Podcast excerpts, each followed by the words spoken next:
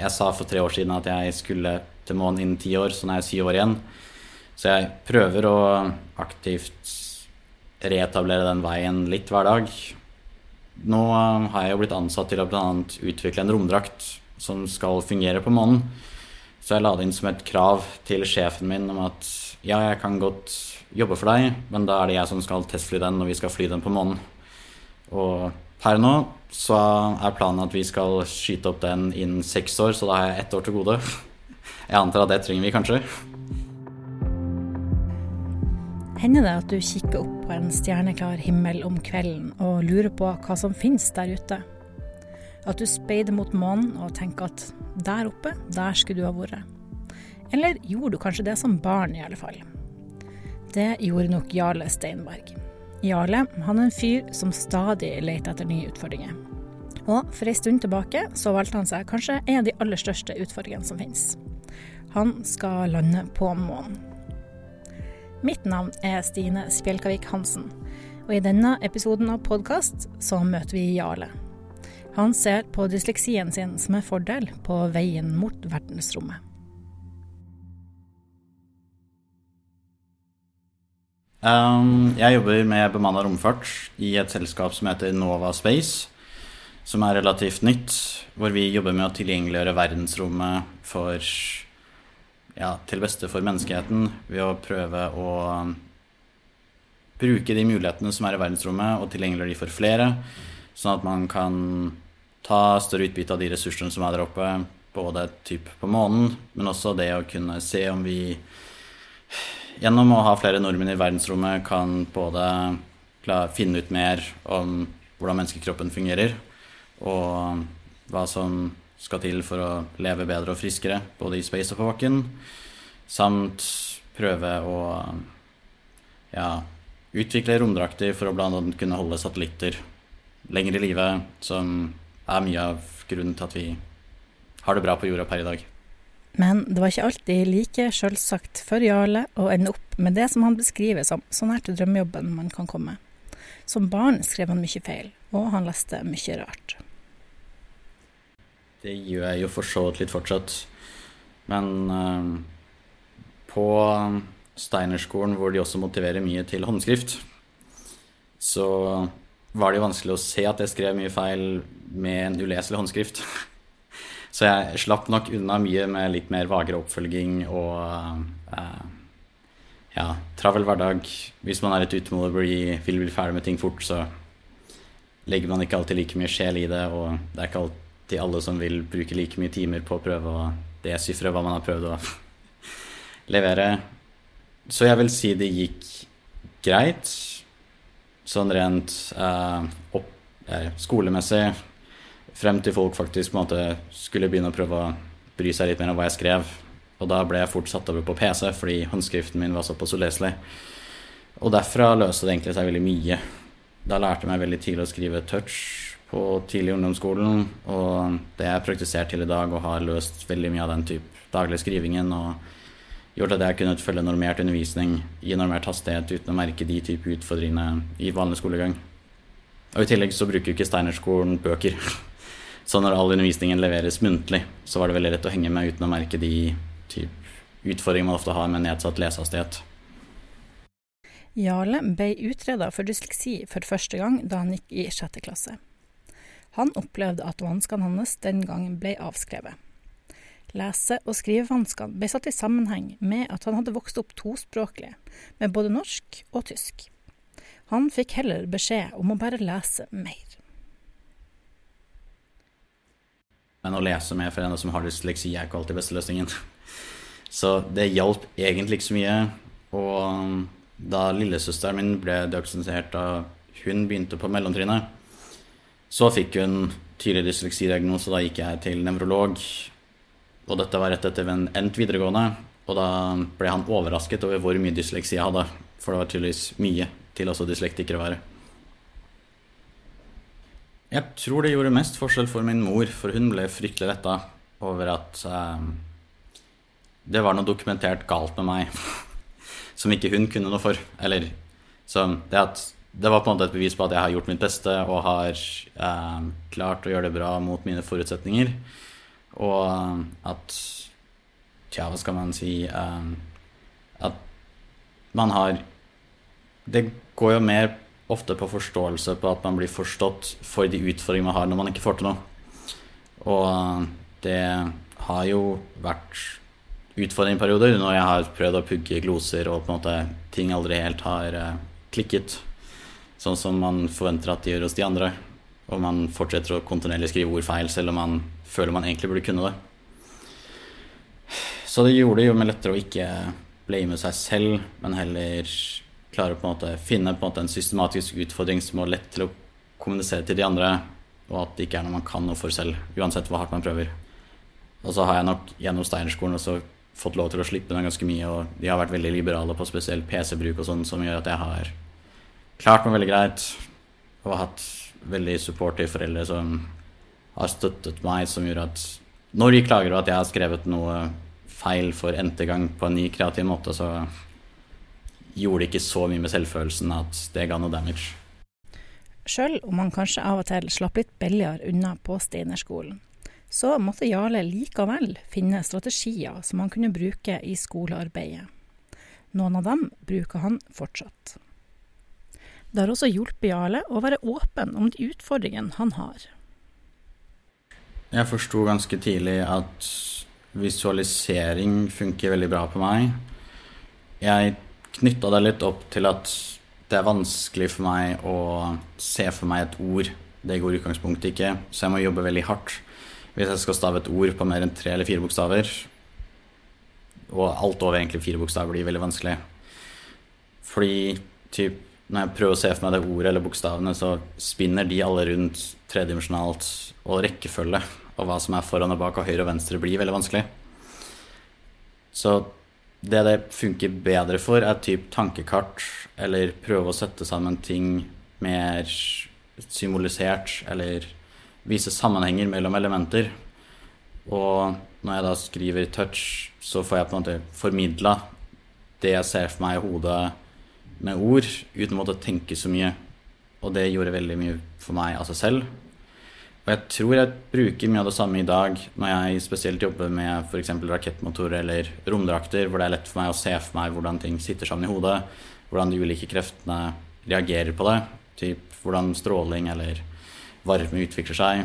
Og da kan jeg se for meg det ganske detaljert, og så begynne å prøve å beskrive det med typ ord i en lengre rapport. Og det har gjort det mye lettere. Og så vet jeg det meg selv at hvis jeg da bare på en måte uansett hvor hardt jeg stirrer på et dokument, så finner jeg aldri alle skrivefeilene. Så jeg har kanskje blitt litt mer tolerant for å slacke litt på egen rettskrivning. For meg har det hjulpet veldig å eie diagnosene mine og være veldig åpen om dem. Folk henger seg fortsatt litt opp i skrivefeil her og der, og det er greit.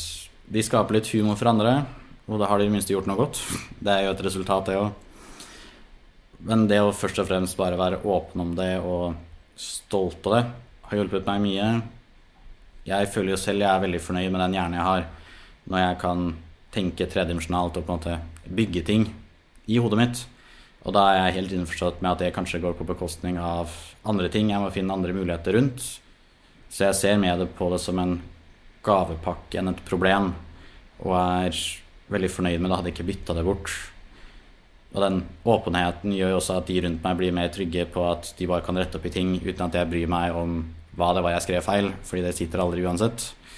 Og skjønner at jeg trenger litt mer tid til enkelte ting. Hvis ting skal leses veldig nøye, eller ting skal være veldig riktig, og det fortsatt antageligvis er skrivefeil, så tid på å bygge opp den tryggheten og tilliten med kollegaer, at man er åpen om det, og at det ikke er et problem, og hjelpe de å forstå hva de skal gjøre for å gjøre dette best mulig for begge parter. Det har jeg, tror jeg vunnet ganske mye på. Men veien fra skolebenken til verdensrommet er lang. Og den er ikke uten omveier heller. Det som aller først motiverte Jarle til å ta tak i skolearbeidet, var egentlig drømmen om et annet yrke. I tillegg til jakta på utfordring. Jeg bestemte meg litt på ungdomsskolen for at jeg ville bli forsker på Cern fordi det virka veldig kult. Så da fikk jeg plutselig sent på ungdomsskolen motivasjon for å faktisk prøve å få bra karakterer. Og da jobbet jeg veldig hardt med det og begynte å få en del bedre karakterer enn det jeg gjorde umotivert. Og så opprettholdt jeg veldig mye av den eh, motivasjonen også på videregående, hvor jeg på slutten av videregående jobbet i en flyktningleir i Hellas. Og jeg jobbet veldig tett opp mot spesielt syriske barn gjennom flyktningkrisen i 2014. Og det motiverte meg da veldig til å prøve å begynne å studere psykologi. Og siden jeg da hadde karakterene til det på et eller annet mirakuløst vis, så kom jeg inn på psykologiprofesjonen først. Og så, etter ca. ett års tid, så skjønte jeg at det var veldig teorilada. Og dette var i samme periode hvor jeg også ble utreda for dysleksi. For psykologen min da var veldig sjokkert over at jeg hadde valgt et såpass teoritungt studie med de leseutfordringene mine. Så jeg husker veldig godt eh, Utfordringene var på hybelen over på en måte ti hunders leseøkter i en veldig stor, veldig tung bok som gikk på typ ti minutter lesing, fem til ti minutter pause, ti minutter lesing. Hjernen jobba veldig hardt for å dekode alle de vanskelige faguttrykkene, ordene på engelsk, og prøve å skape et system i noe så komplekst som hjernen, som vi sliter fortsatt veldig mye den dag i dag med å prøve å holde system på. Det er vanskelig. Jeg leter ofte veldig mye etter utfordring, og um, alt kan jo selvfølgelig være vanskelig, men jeg leter nok ofte etter de mest komplekse eller utfordrer problemene å løse. Og spesielt uh, psykiske utfordringer kan jo være veldig komplekse, og de er uten tvil en flyktningleir. Så jeg så på det som ganske interessant ganske lenge, til jeg litt tilfeldig havna litt mer over i IT, som uh, ja, også er et veldig komplekst problem og har et desto større potensial på, på måte, hvilke muligheter man kan skape for flere ved å bruke teknologi mer aktivt. Og da til slutt klare å bøye det over litt halvspontant og litt med brute force over i en romfartsretning. Hvor jeg uh, virkelig føler jeg har funnet de største utfordringene jeg har klart å spore opp.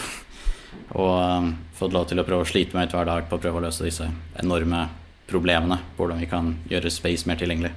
Og så er det ofte en kamp å finne riktig type utfordring, fordi man kan gi meg en ordbok og prøve å pugge den. Og det er en umulig utfordring som jeg vil oppleve som totalt meningsløst og utmattende uten Jeg kan lese to sider og være ferdig for dagen. Og det kommer til å få meg til å føle meg veldig mislykka.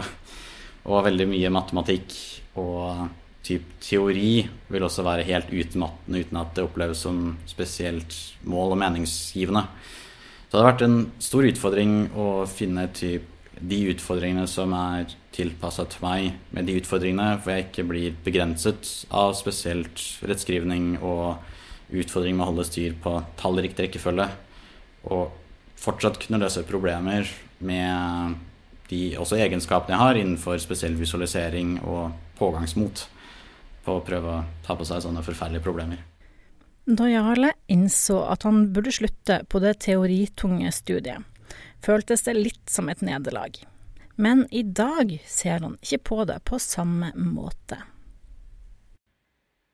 Selv om de fleste kan forstå at det å dissekere menneskehjerner kan være en grunn til å ikke like noe, så slapp jeg på en måte litt unna ved det. Men jeg følte lenge at det på en måte var et feiltrinn helt frem til i sommer, altså fem år senere, hvor jeg eh, leste at spesielt systemingeniører ofte kommer fra både psykologi, geologi eller biologi, hvor det nettopp handler om å finne system, og at det var det som fikk meg til å studere det da, som jeg fortsatt bruker mye av i dag.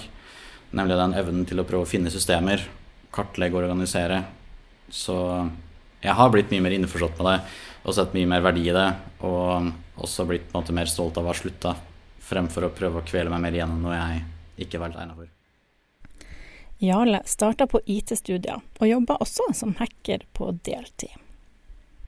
Og så gjorde jeg noe helt katastrofalt, for da um, hadde jeg lenge da fått med meg at det er en del kule folk på NTNU, spesielt studenter som bygger satellitter.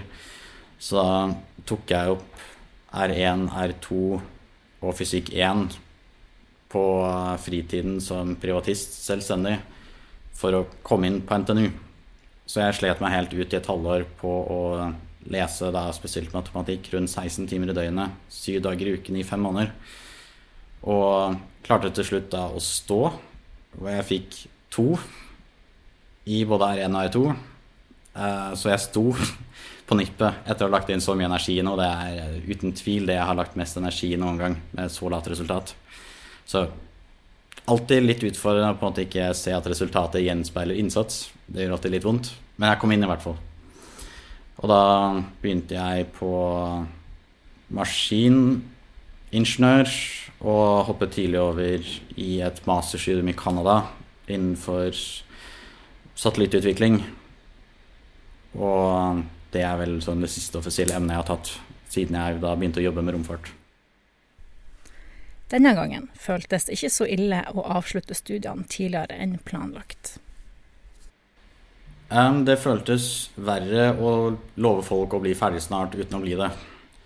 Og um, det må da legges til at jeg fikk utreda ADHD og aspergerautisme i fjor høst. Så jeg skjønte jo da at det å som et litt mer unormalt menneske følge en litt mer normal utdanning var vanskeligere enn jeg hadde sett for meg. Og ble da mer innforstått med å hoppe av.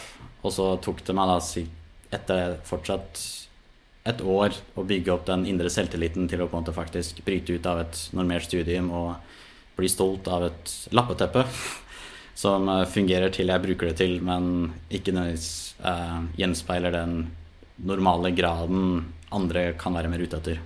Og drømmen min er um, først og fremst å lande på månen innen disse syv årene. Med um, helst meg selv i live på overflaten. Så jeg uh, jobbet siste året på astronautsenteret til The European Space Agency, hvor da ESA, som på en måte er Europas NASA, utdanner astronautene sine på lik linje med NASA. Og var også med å kvalitetssikre en del av den utdanningen. Og ble prosjektleder for å bygge en maskin som skal bygge hus på månen. Og da begynte jeg å merke at nå begynner på en måte den veien å bli mer og mer mulig. Og da denne muligheten åpnet seg for å være del av det å bygge opp et bemanna romfartsprogram i Norge, ble um, mulig. Da var jeg veldig solgt og jobber nå så tett opp mot astronautsvirksomhet jeg tror det er mulig å komme i Norge. Så jeg tror det har blitt mer realistisk. Min lillesøster begynner å bli litt mer fortvila over tanken på at jeg faktisk kan forlate planeten. Så det er ikke alle som er like fornøyd med det. Men uh, det er gøy å se at det å sette ekstremt ambisjonsrike mål kan ja, gi en fordel hvis man også kommuniserer dem og på en måte er ærlig mot dem og på en måte prøver å ta fatt på en vei som virka mye lenger for tre år siden. Jarle ser på rommet sånn som han tenker at vikingene så på Amerika. Du vet at det er noe der, men ikke helt nøyaktig hva. Men hva slags romfartsmiljø har vi egentlig her i Norge? Det er et rommiljø som er i veldig stor vekst, spesielt fordi Norge etablerte et oppskytningsfelt på Andøya helt tilbake på 50-tallet for å skyte opp det som kalles sonderaketter, som på en måte bare går egentlig rett opp i nordlyset, og så faller de rett ned igjen i havet. Der skal de nå begynne å skyte opp satellitter som skal helt opp i bane, som på, en måte på samme måte som romstasjonen, eller det som da blir i verden som ikke detter ned igjen, det er i bane. Så det har dannet seg en del med næring rundt det, og Norge er også de som har størst eieren, eller størst andel av all satellittkommunikasjon i verden, som de har fra Tromsø. Fordi Norge har jo land både på Svalbard og på Sydpolen som gjør at vi har veldig god oversikt over på en måte Vi kan snakke med det meste som er i verdensrommet, da. Så Norge er en betydelig mer etablert romnasjon enn det mange tror. Men det skjer på en måte i mer veldig fagfelte områder som ikke er så synlige. Og vi har jo ikke hatt et bemanna romfartsprogram før nå. Så jeg tror at innen de typ neste fem årene så kommer det til å være etablert mye mye mer, og også være mye mer synlig i offentligheten som noe vi som nordmenn kan være mer stolte av. Uh, sist uke så tilbrakte vi mesteparten av tiden på Stortinget. For da var vi invitert på et større stortingsseminar og en del møter rundt for å jobbe med politikere for å lage nye strategier på hvordan vi kan bruke verdensrommet bedre, spesielt i bemanna romfart, som er det feltet hvor man tar med mennesker opp i verdensrommet og bygger både forskning og industri rundt dem. Og da hadde vi med oss to representanter fra SpaceX, det større romfartsselskapet i USA, som er de som skyter opp flest satellitter i verden, som var med oss for å måte, hjelpe politikerne å forstå at det er veldig realistisk for nordmenn å dra opp i verdensrommet. Og da spesielt det største forskningsprosjektet vårt, SANS, som er et type syndrom som man kan bli blind av hvis man blir i verdensrommet for lenge, typ lenger enn et år. Det har vi tenkt å skyte og fire nordmenn for å forske på i løpet av de neste to årene. Så da hadde vi en del politiske samtaler der rundt det. Og hvordan skal egentlig Jarle nå målet sitt om å lande på månen? Det er et spørsmål jeg stiller meg selv hver morgen. Og der, eh, nå har jeg, jeg sa for tre år siden at jeg skulle til månen innen ti år, så nå er jeg syv år igjen. Så jeg prøver å aktivt reetablere den veien litt hver dag. Nå har jeg jo blitt ansatt til å bl.a. utvikle en romdrakt som skal fungere på månen. Så jeg la det inn som et krav til sjefen min om at ja, jeg kan godt jobbe for deg, men da er det jeg som skal testfly den når vi skal fly den på månen. Og Per nå så er planen at vi skal skyte opp den innen seks år, så da har jeg ett år til gode. Jeg antar at det trenger vi kanskje. Så jeg tror at det kan antakeligvis være den mest nærliggende veien for å komme til månen. Kan det blir andre muligheter etter hvert. Med den type mål så handler det ofte mest, eller for meg, da, om veien.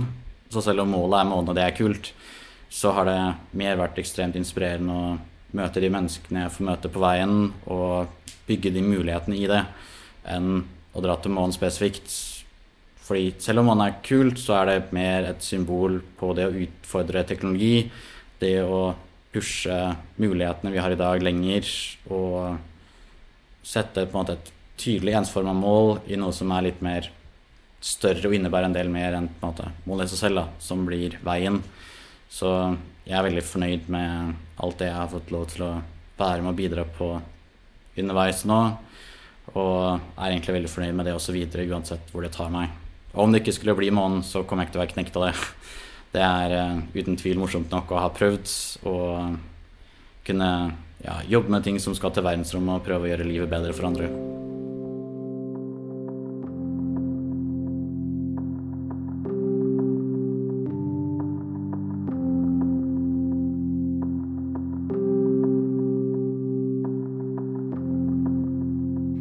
Episoden av podkast var laga av meg, Stine Spjelkavik Hansen. Musikken vår er som vanlig laga av Andreas Reite.